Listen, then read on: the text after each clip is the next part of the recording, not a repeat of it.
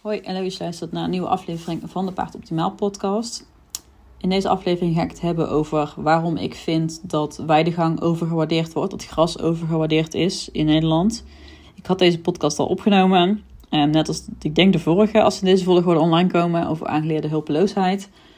Ehm, maar dat was een auto en daar was dus ook helemaal niks van te verstaan, dus ik ben hem nu weer opnieuw aan het opnemen.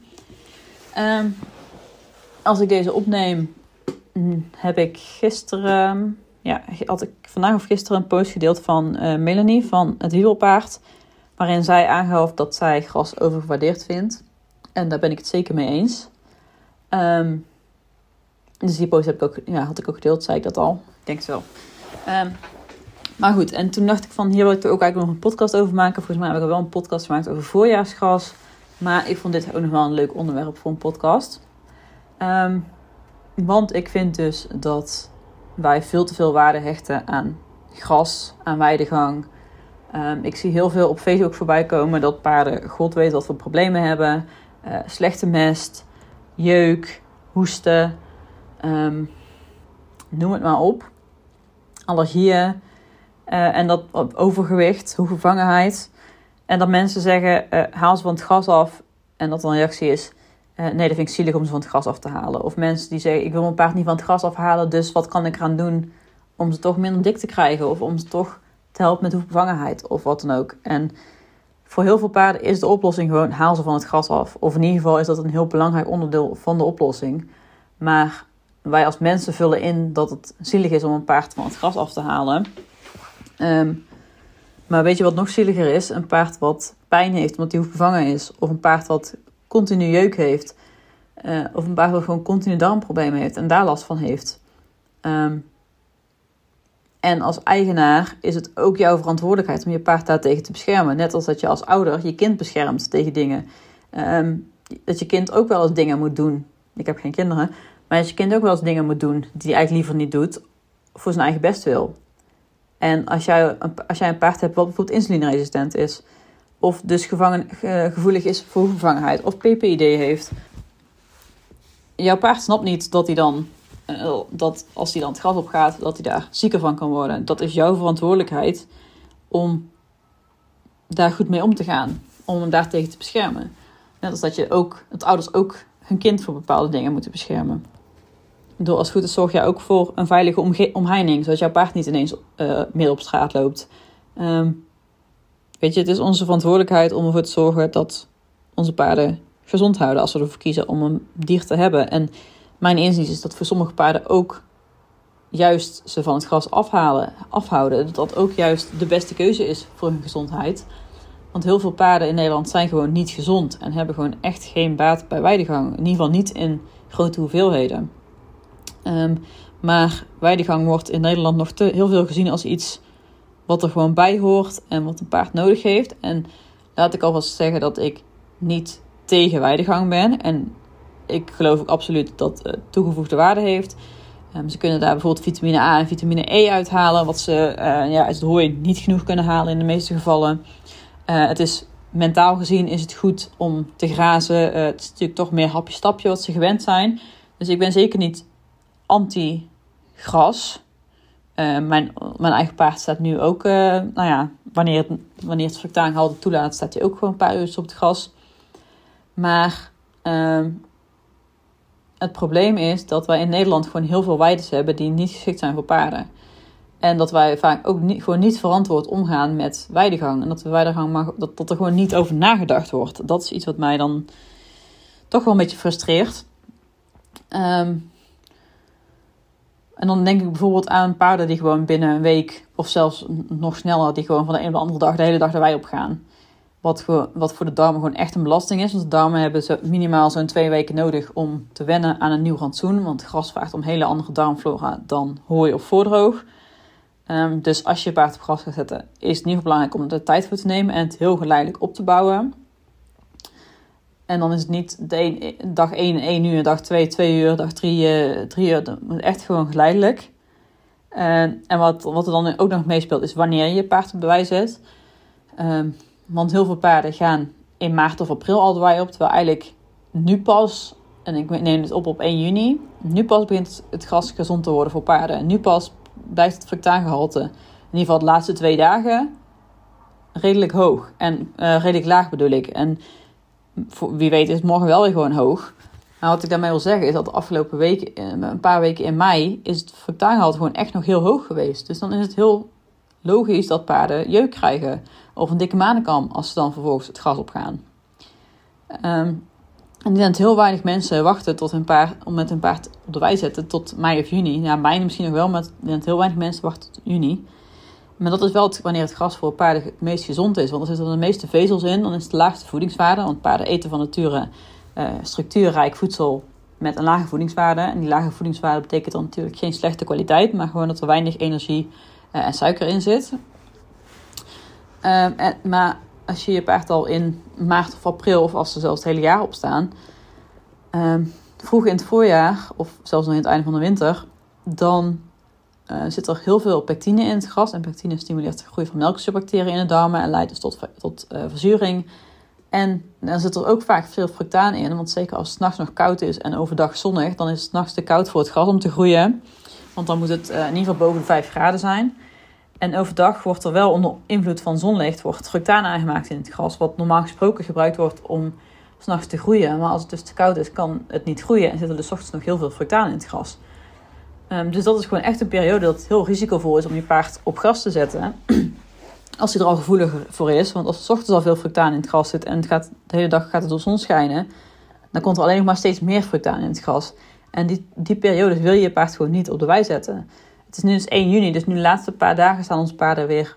Uh, nou ja, bij ons staan ze op een trek die ze kaal moeten eten waar gras staat. Maar dan staan ze nu de laatste twee, drie dagen staan ze daar weer uh, ja, dagelijks op. Maar daarvoor hebben ze er echt anderhalve week niet opgestaan, omdat het fructaangehalte gewoon zo hoog was. Uh, en ik gebruik er dan een app voor. En ja, een app is natuurlijk ook niet 100% betrouwbaar.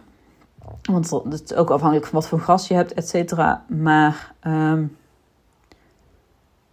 ja, ik zag juist heel veel paarden de wei opgaan in die hele fructaan hoge, in, die periode dat het fructaan zo hoog was.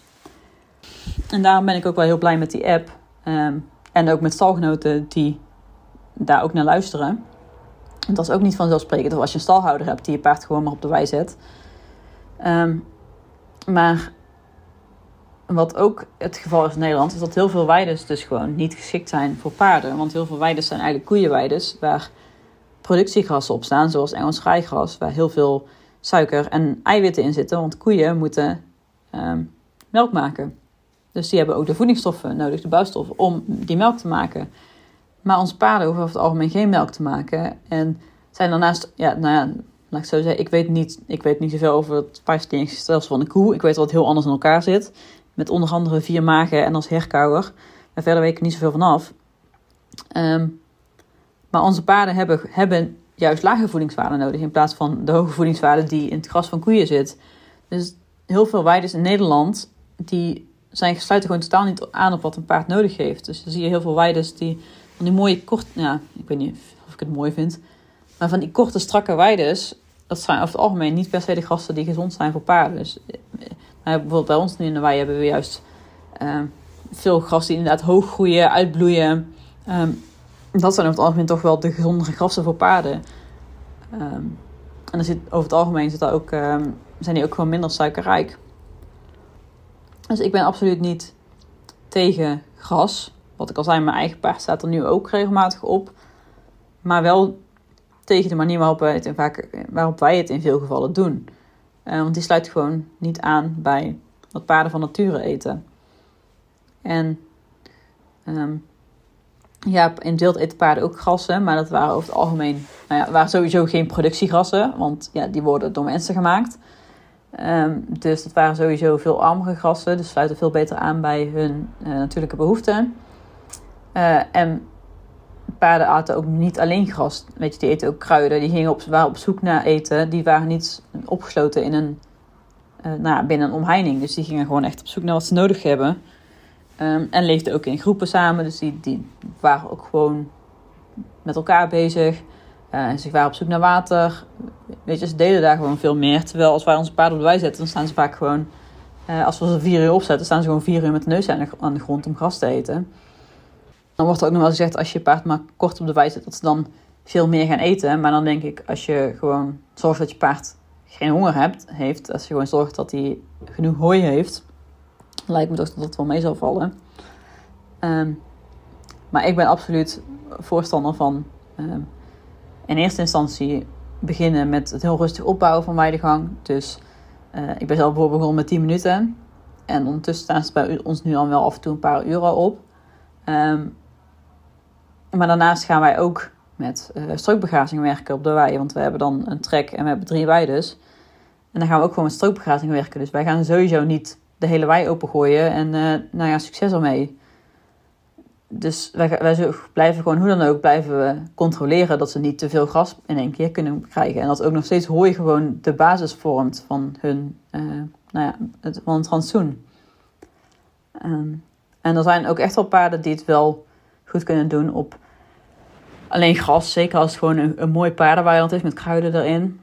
Um, maar we hebben in Nederland gewoon heel veel paarden met overgewicht. Heel veel paarden die insulineresistent zijn met EMS. Die gevoelig zijn voor hoevervangenheid. Met zomerexeem. Darmproblemen, noem maar op. En met die paarden moet je gewoon echt voorzichtig zijn met de weidegang. Met de weidegang. En dat wil er bij heel veel mensen gewoon niet in. Dat um, soms is de juiste keuze, de, de, de keuze vanuit paardenwelzijnsopzicht, is om je paard niet op de wei te zetten. Om gezondheidsproblemen te voorkomen. En wij hebben ze dus een paar weken geleden stonden ze ook al af en toe een uurtje op als het kon, volgens de Fructaan-app. Uh, en daarna kon, mochten ze inderdaad een tijd niet op. En dan stonden ze de eerste paar dagen stonden ze ook bij de draad, omdat ze verwachten dat ze de wei op, als de trek op mochten, dat ze het gras op mochten. Maar na een paar dagen hebben ze door van, oh ja, oké, mag niet, laat maar. Dan, dan gaan ze ook niet meer bij de draad staan. Dus mijn inziens hebben wij daar echt meer last van dan dat de paarden er last van hebben. Dat ze niet op gras mogen. Dat is echt iets wat wij onszelf aanpraten. Want het paard leeft gewoon in het hier en nu. En die ziet misschien die wij wel aan de andere kant van de, van, uh, de, van de draad.